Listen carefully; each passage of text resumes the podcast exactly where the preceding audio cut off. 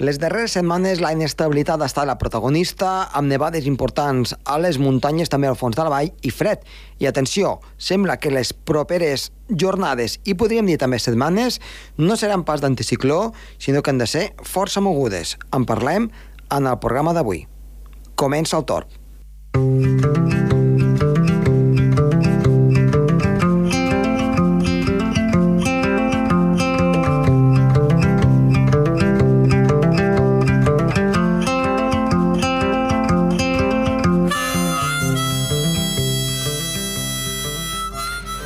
De fet, avui eh, parlarem amb Sergi Càrceles de tot el que ha anat passant des del punt de vista meteorològic en aquestes eh, darreres setmanes, sobretot aquest darrer cap de setmana, i el que pot passar doncs, en aquests propers dies analitzant les nevades de l'interior de la península Ibèrica i també dels Pirineus.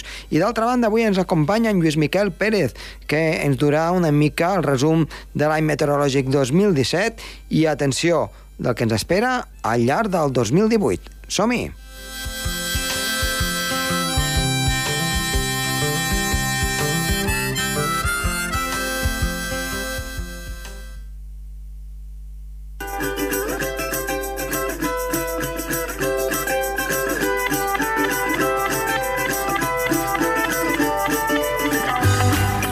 Comencem el programa i parlem amb Sergi Càrteles. Sergi, bona tarda. Molt bona tarda. Què tal? Com has passat aquests freds, eh, aquestes nevades, aquests temporals de, de vent, sobretot de precipitació, i també el, a la mar, que ha estat també força remoguda? Doncs bé, ho hem passat bé, una zona, una situació bastant divertida no?, pels meteoròlegs, ja que sempre nosaltres preferim una situació on hi hagi núvols, tempestes, nevades i no un cel ras, però sí que és veritat que, bé, hem tingut aquestes nevades que s'han distribuït per tota la península ibèrica, també per Andorra, pel sud de França, etc i que han portat bastantes complicacions i, bé, ho parlarem avui, no? Parlarem sobre les nevades que hi ha hagut aquest cap de setmana i el que ens pot venir més endavant. Sí, de fet, eh, aquesta pertorbació ja fa dies que ho, ho, ho veníem dient, que es formaria de pertorbació damunt de la península ibèrica, amb aires del Mediterrani, amb humitats, amb aire fred, que l'aire fred baixaria fins pràcticament al nord d'Àfrica, això implicaria tota la península ibèrica i que hi hauria soroll meteorològic. Explica'ns. Doncs bé, sí que és veritat que es va anunciar 4 o 5 dies abans de que baixaria una llengua d'aire fred que ens portaria molta inestabilitat i també es va parlar fins i tot una mica d'una altra ciclogènesi explosiva, ja que es deia que, bé, que la, la pressió atmosfèrica baixaria molt ràpidament, i això el que faria seria que les nevades fossin presents quasi a tota la península ibèrica, i és el que va passar, no? Aquestes notícies que hem estat veient de, per exemple, Segovia, no? la 6, que es va quedar col·lapsada per la neu i un munt de gent que es va quedar atrapada durant moltíssimes hores. Estem parlant de gent que es va quedar atrapada de més de 14-15 hores, que realment ho van passar molt malament, perquè no només eh, no, no estava previst... Bueno, sí que estava previst, però no, no es va avisar, no?, des de les autopistes, des del servei de, de trànsit, etc. No, no es va tenir un avís prou considerable i la veritat és que després el desplegament que va haver per poder rescatar aquesta gent va ser bastant, bastant tardia. Però bé, eh, estem parlant d'unes nevades que van afectar a, a Espanya, també a Andorra, i aquí a Andorra ens ha deixat valors molt importants de neu. Ara les pistes d'esquí de, poden estar bastant contentes perquè uh -huh. tenim valors molt elevats de, de neu, gruixos de, per exemple, a Sorteny, 180 centímetres de gruix de neu acumulat, que és, bé, és una dada molt bona per les pistes d'esquí. Després també tenim, per exemple, les fonts de Rinxal, que hi ha 50 centímetres, una mica més i tot, a causa d'aquestes ventades que, bé, arrastren la, la neu i se l'enduen, però bé, queda un bon gruix encara.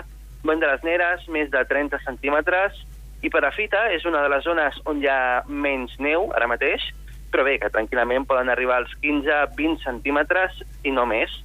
I bé, esperem una situació doncs, que torni a haver nevades a partir d'aquest dijous, nevades amb una cota de 1.500-1.600 metres tranquil·lament, i fins i tot podríem dir que a Andorra la Vella, doncs per la nit, podrien caure també alguns flocs de neu que després gelarien i bé, eh, per exemple, ja va passar aquests dies anteriors, no? que va nevar, va nevar per la nit, però clar, també hi havia pluja acumulada d'abans, llavors es va gelar la pluja i va fer aquesta fina capa de gel no? que és tan perillós per les carreteres i per la gent a l'hora de caminar.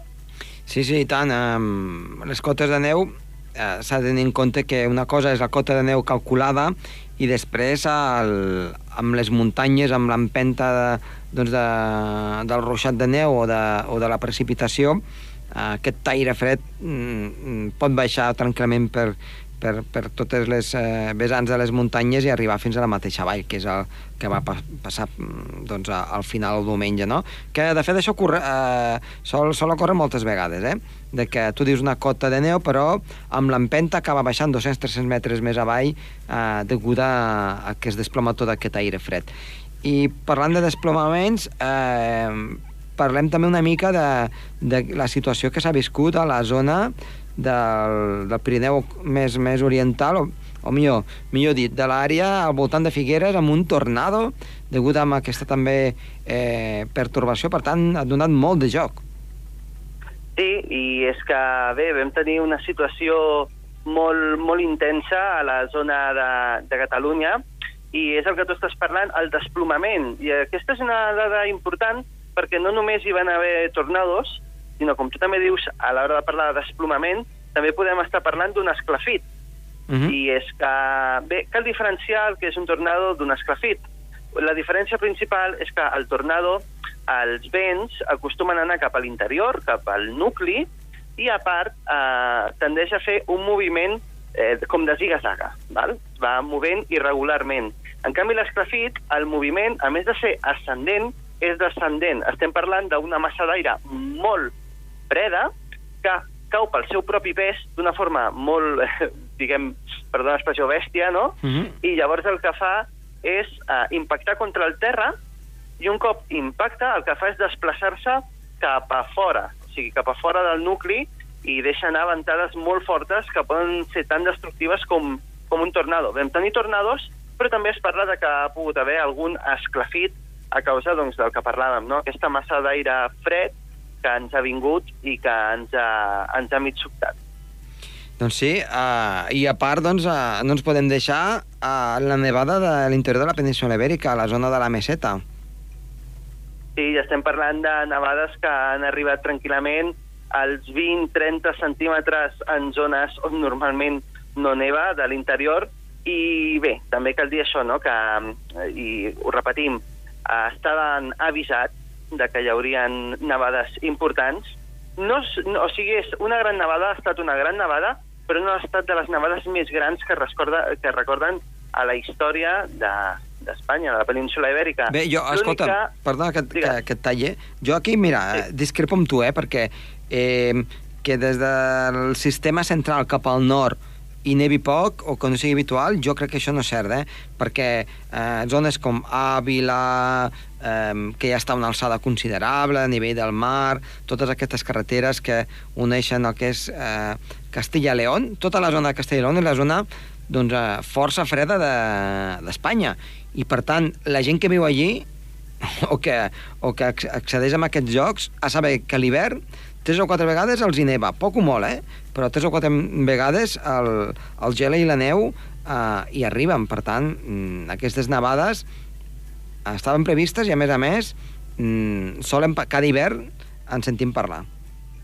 Eh, és per això el que dic que eh, són nevades, però no és que hagi estat una nevada molt extraordinària, no, no perquè realment eh, en aquelles zones, és el que tu dius, no? estan acostumats ja que hi hagi nevades 3-4 cops a l'any i tenen els mecanismes, almenys per evitar que es gerin les neus. I a part estem parlant, de, en el cas de l'Asis, estem parlant d'una autovia molt gran on realment haurien d'haver capacitats de sobres d'evitar que s'acumuli la neu d'aquesta manera. Mm -hmm. Aquí ja cadascú tu pots eh, pensar, no?, com, com vegi. Sí, de fet, a veure, um, la, el que és el, el, tot el, Espanya, el sistema de prevenció, jo penso que havia estat a, en, en ordre i que havien, havien previst aquestes nevades fins i tot amb alertes taronges i vermelles. Sí, sí, havien avisat amb antelació. Sí, sí. Per tant, eh, qui va amb una carretera ha d'anar preparat o esperar-se o avançar més la, la seva sortida. Jo crec que no hi ha excusa, eh? perquè el, més de la meitat de la gent era que no portaven cadenes, ni rodes de contacte. Correcte. Llavors, clar, si tu vius en aquestes zones, eh, jo entenc que no, mm, no portis rodes de contacte, com es fa aquí a Andorra, no?, durant eh, tot l'hivern, però cadenes n'has de portar al cotxe, més si veus en aquesta àrea. Una altra cosa és que visquessis a Sevilla i dius, home, doncs no, no cal, no? Però, però clar, si vius a Àvila o zones properes, eh, la neu t'atrapa any sí, eh, any, any també. I a més, eh, no sé si tu recordaràs, però aquestes situacions s'han viscut moltes vegades en, en aquestes zones. Sembla que no, Sí. no n'aprenem mai, eh? I no tan sols aquí, No. sinó que a vegades a Andorra també passa, eh? eh I moltes vegades som gent eh, que vivim aquí o també gent que venen de fora, evidentment, i no estan acostumats, com, com sol passar que no porten gaire, no van preparats. En fi, no en sortirem mai d'aquesta roda de hàmster, eh? és, el, és el que em els- sembla. Els éssers humans som així, que sempre trobassem amb la mateixa pedra i no, no la retirem. Molt bé. Eh, Sergi, doncs moltes gràcies i a cuidar-se del fred aquests propers dies. Molt bé, moltes gràcies, vagi bé. Adéu-siau.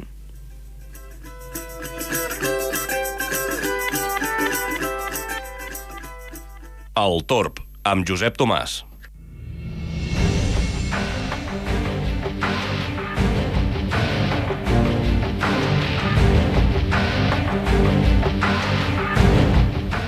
Avui tenim en Lluís Miquel Pérez. Lluís Miquel, bona tarda. Bona tarda i bon any, Josep. Igualment, gràcies per venir. Avui doncs, ens ha fet eh, el gust de fer-nos una visita i quan fa una visita sempre el segrestem uns minutets. Uh -huh. Doncs per parlar, com no, del temps, de la meteo i de tot allò que, que faci falta. És veritat o no? Així és, aprofiteu que estic calb per Exacte. fer servir la bola de vidre. Ah, exacte. diu. La bola de vidre que de moment està funcionant perquè, eh, recordem, els models meteorològics indicaven que per aquest any, finals d'any 2017, principis del 18, l'hivern meteorològic seria sec, sense neu, Mhm. i, i tu ja vas augurar que una cosa és el que diuen els models, que ho, de, ho deien tots, pràcticament, Sí, hi, ha, un, hi havia unanimitat, sí. sí. i la unanimitat se quedó això, amb, unanimitat Es va quedar en la teoria. amb la teoria, però al Mhm. contrari, perquè està sent tot el contrari. Mhm. Fa fred, neva, d'acord, la pluja no és eh, la que hauria de ser, però si mirem només eh, en zones de muntanya, la inhibició és superior a la que tocaria en aquestes èpoques de l'any. Així és, de fet, hi ha bones notícies, estem tenint bones notícies des de principis de temporada, des de finals del mes de novembre, que la cosa es va anar torçant, dels anticiclons hem passat a aquestes situacions meridianes de nord, de nord-oest. El que dius tu, a l'àmbit més del sud de França o de gran part de la península ibèrica no ha plogut gaire, segueix sense ploure, però el que ens interessa almenys a nosaltres és que anem per molt bon camí. Tenim bones nevades i això pot fer, primer, que hi hagi una temporada de neu, la que ens queda, de fet, gairebé el gruix de la temporada de neu, sigui boníssima, i segon, que tota aquesta neu després faci acabar amb la sequera hidrològica, com a mínim, hidrològica, que tenim al sud, o sigui, a la zona de l'Ebre, a la zona de Catalunya. La sequera ja saps, tenim l'agrícola, tenim la meteorològica i ja està la hidrològica. Tu pots tenir un terreny molt sec, però si els embassaments estan plens, com a mínim tindràs abastiment d'aigua i podràs tenir regadiu. Lògicament, les terres que siguin de secar necessiten que plogui. Per tant, almenys aquesta sequera dels pantans, que a hores d'ara és molt palesa, també es pot anar paivagant. Ja hi ha més neu en aquests dies acumulada als Pirineus que no pas tota la neu que hi havia l'any passat per aquestes dates. De fet, molt més gruix. I el que és important, les previsions segueixen sent molt falagueres per casa nostra. Molt falagueres. Fins i tot massa i tot. D'aquells dies que pots dir si s'acaben complint les previsions, podem tenir problemes a pistes per l'acumulació de neu. I, lògicament, fora pistes no dir res, perquè podem tenir molts ensurts. Sí, i de fet eh, sembla que aquestes dues properes setmanes, eh, a part de ventades fortes que ens puguin esperar i de davallades de temperatura, sense cap onada de fred, eh? Mhm. però sí que eh, picarà de debò i sembla que eh, cara nord del Pirineu i saltant cap al sud ens podria afectar i a més a altres zones de França i també de la península ibèrica. Si així és, uh, mirant models d'aquells de previsió a dues, tres setmanes vista, uh, aquells models que ens agrada mirar de resquilló, perquè tenen la seva fiabilitat mm, d'aquella manera, aquell d'acumulació de precipitació, donen tous de neu al, al Pirineu, al sistema cantàbric i al sistema ibèric espanyol. En canvi, quan més cap a la Mediterrània, un temps més eixut, com més mm, el que correspon de fet a vents del nord-oest o del nord, com els que comentes que, que, que tindrem. Si aquestes previsions es compleixen, des d'ara, aquesta setmana, fins a finals del mes de gener, podrem tenir acumulacions de més de dos metres més de neu nova. Uh -huh. i tenint en compte que portem molt gruix ja, sobretot les nevades al cap de setmana que es van comportar amb aquests 60-70 centímetres a, a casa nostra, i neu que s'està mantenint, perquè la humitat és baixa perquè a més a més van avant una mica i perquè les temperatures estan mantenint molt baixes. Sí, eh, hi ha un efecte nevera brutal. Sí, sí. A, a, a veure, les temperatures són baixes, Mhm. però no excessivament baixes, eh, si més no les de l'aire, eh, però sí que al matí es nota aquest efecte al Pirineu de, de la neu que ha caigut, que fa baixar molt la temperatura. Teníem Mhm. doncs, eh, aquestes darreres matinades en zones com la Seu d'Urgell, Puigcerdà, Das, tota la zona de la Vall del Segre, entre els 5 a 6, 7, 8 graus sota zero. Sí, sí, de fet, eh, les dades que veiem, per exemple, dilluns i dimarts a Incles, baixaven dels 12 graus sota zero. Mm, Clar, molta inhibició i a banda en una vall que ja s'hi acumulava l'aire fred. Mira, ara m'estic recordant una dada que no és del nostre país, és del país eh, eh, veí d'Espanya, Cantalojas, Guadalajara. Mm, Haureu vist totes les imatges de la gran nevada Mhm. que hi ha hagut també al centre d'Espanya. I amb aquestes incidències com no a Madrid i a Àvila.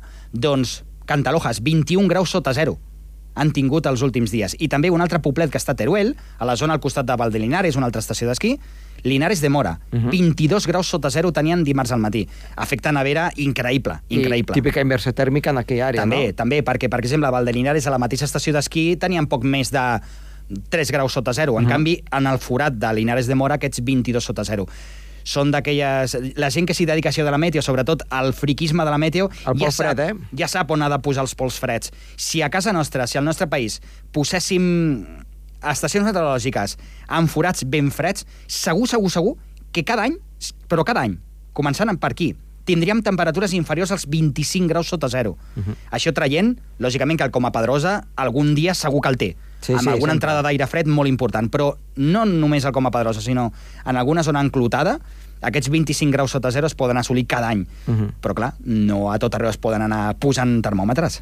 Eh, què ens espera per aquest 2018 en general? Eh? Una mica, és complicat, si és complicat fer una previsió per l'hivern, doncs eh, el que apunta una mica amb els models meteorològics, que després, evidentment, no s'acaba complint, però només doncs, per fer-ne una mica... Mira, jo, a mi m'agrada molt el tema de la intuïció, que és aquella branca de la parapsicologia, uh Mhm. -huh. però que, de fet, és una accepció pròpia. Eh? Una, per mi és una, com una definició de la parapsicologia que pot arribar a ser ciència i pot arribar a ser realitat. Mm, què és el que em diu aquesta intuïció? I sobretot, tirant, lògicament, no d'intuïció pura, sinó de les dades de com estan aquestes... Eh, com estan les masses d'aigua en general al nostre món, o sigui, als oceans. Què em fa pensar? Que la primavera, o sigui, ben bé fins l'estiu, seguirem tenint aquestes situacions. Molt de vent del nord, no especialment fred, però sí molt nivós a casa nostra, nevades importants al mes de març, a Setmana Santa, al mes d'abril, lògicament no aguantarien tant com poden aguantar al mes de gener. I molta sequera a gran part de la Mediterrània. Seguirà aquesta mateixa situació. I em fa la sensació que l'Àrtic, que està enguany força menys innivat que d'altres anys, hi ha menys gel. De fet, és l'any que té menys gel dels últims 10 anys. El que em fa pensar és que aquesta aigua més freda que hi ha a la zona de l'Àrtic farà que l'estiu sigui bastant fred. Que l'estiu sigui de moltes tempestes a diferència de l'últim any, de fa dos anys, de fa tres anys. Moltes tempestes, d'aquelles de gairebé cada tarda. I també moltes tempestes a l'àmbit mediterrani. La sensació és que ja això ja és fer, fer volar coloms i, i fer, fer venem fum, uh -huh. o vendre fum, fum totalment.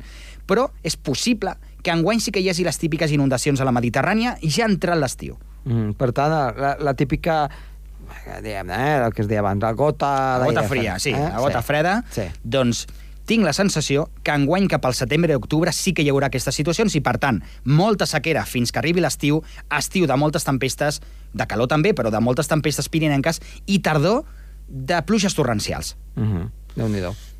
Mm, esperem que les pluges torrencials es quedin amb pluges com Déu mana, o, si més no, amb seny, i esperem que la sequera que tenim en moltes zones, sobretot de la península ibèrica, es vagi apaivagant. Però, si ens quedem a Andorra, pinta de fàbula, Mhm. de fàbula el panorama. Per tant, mm, el que faci 100 quilòmetres més al sud al cap i a la fi, tampoc el podem nosaltres manipular. I, de fet, el temps encara no es pot manipular, si més no, eh, que ho sapiguem eh, al 100%, no? Així és. Se sap que alguna cosa s'està provant i de ben segur que la tecnologia avançarà tant com per eh, acabar retocant una mica l'atmosfera, però com per manipular-la i dir la faré al meu gust, home, jo crec que si arriba algun dia, això serà d'aquí a molts anys. Luismi, doncs moltíssimes gràcies i ja ho saps, eh, quan vulguis eh, tornar, doncs aquí t'esperem. La fem patar una estona. Vinga. Que vagi bé.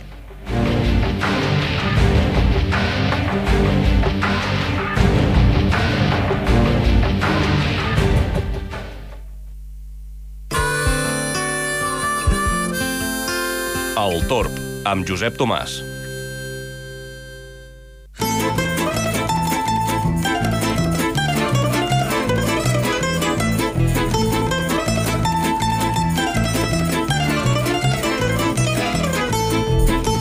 Doncs vinga, anem a fer la predicció meteorològica per aquest cap de setmana, que no ha de ser igual que el passat, però sí que eh, aportarà, si més no, novetats eh, respecte a aquests darrers dies. I és que, de fet, al llarg de dissabte, Uh, la situació serà al Pirineu molt tranquil·la, si més no al Pirineu central i més oriental, i aquí doncs, el sol ha de ser el protagonista. Amb temperatures matinals baixes, per tant, amb gelades generalitzades, el que toca en aquesta època de l'any, si van a l'alta muntanya únicament precaució pel tema de les allaus. D'altra banda, no esperem precipitacions i el vent eh, doncs no ha de ser massa destacat. Una situació, doncs, eh, força bona per anar a la muntanya al llarg de la jornada de dissabte. Tot i que a última hora de, del dia sí que apareixerà algun núvol de tipus alt que indicarà un canvi de temps que ràpidament, ja quan es faci de nit, començarà a arribar. Aquest canvi de temps vindrà donat per una pertorbació, per un front, de fet, que serà molt actiu a tot el que és la península ibèrica i quan arriba als Pirineus es dividirà en dos parts i es formarà una baixa, es formarà una zona, una borrasca justament damunt nostre i això farà doncs, que canvi una mica la situació durant la jornada de diumenge. El diumenge, la nit matina de dissabte i durant tot diumenge, la situació serà molt variable.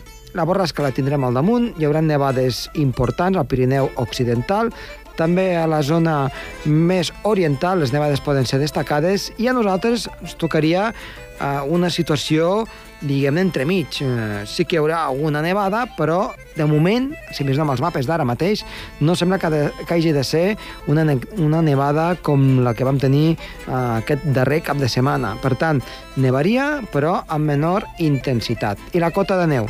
Això és interessant perquè ens arriba una massa d'aire fred d'uns 2 graus negatius a uns 1.300 metres i això implica una temperatura en la qual es pot veure la neu cap als 700 metres d'alçada. Per tant, el país podria nevar totes les cotes. Atenció si van a l'alta muntanya, diumenge del tot desaconsellat per aquesta situació d'inestabilitat. A les pistes d'esquí no hi haurà cap problema, però si fan randoner pensin que es trobaran mala visibilitat, boires i una situació en què la neu ha d'aparèixer, per tant la visibilitat serà reduïda. Molta precaució en aquest sentit i també doncs, per aquesta neu que anirà caient al llarg del dia amb intermitències, veurem si els mapes eh, canvien i fan doncs, que hi hagi una nevada una mica més intensa. Les temperatures, com diem, han de ser força baixes. I ja començaríem la setmana vinent amb una situació molt més tranquil·la. Però els mapes apunten que per les dues properes setmanes, ara ens avancem una mica més, han de venir ventades fortes del nord-nord-oest amb noves nevades que han de deixar també fred i gruixos importants eh, al llarg d'aquest mes de gener. Per tant, sembla que la, aquesta situació de ponent, però amb un component nord que fa que les temperatures no siguin càlides, ha de continuar i, per tant, no s'acabaria el, el reguetzell de nevades i de pertorbacions. Entremig també tindríem doncs, eh, algunes estones de calma. Per tant, una molt bona situació per les pistes d'esquí, també per la muntanya, la neu s'ha de mantenir i fins i tot pot augmentar una mica el seu gruix.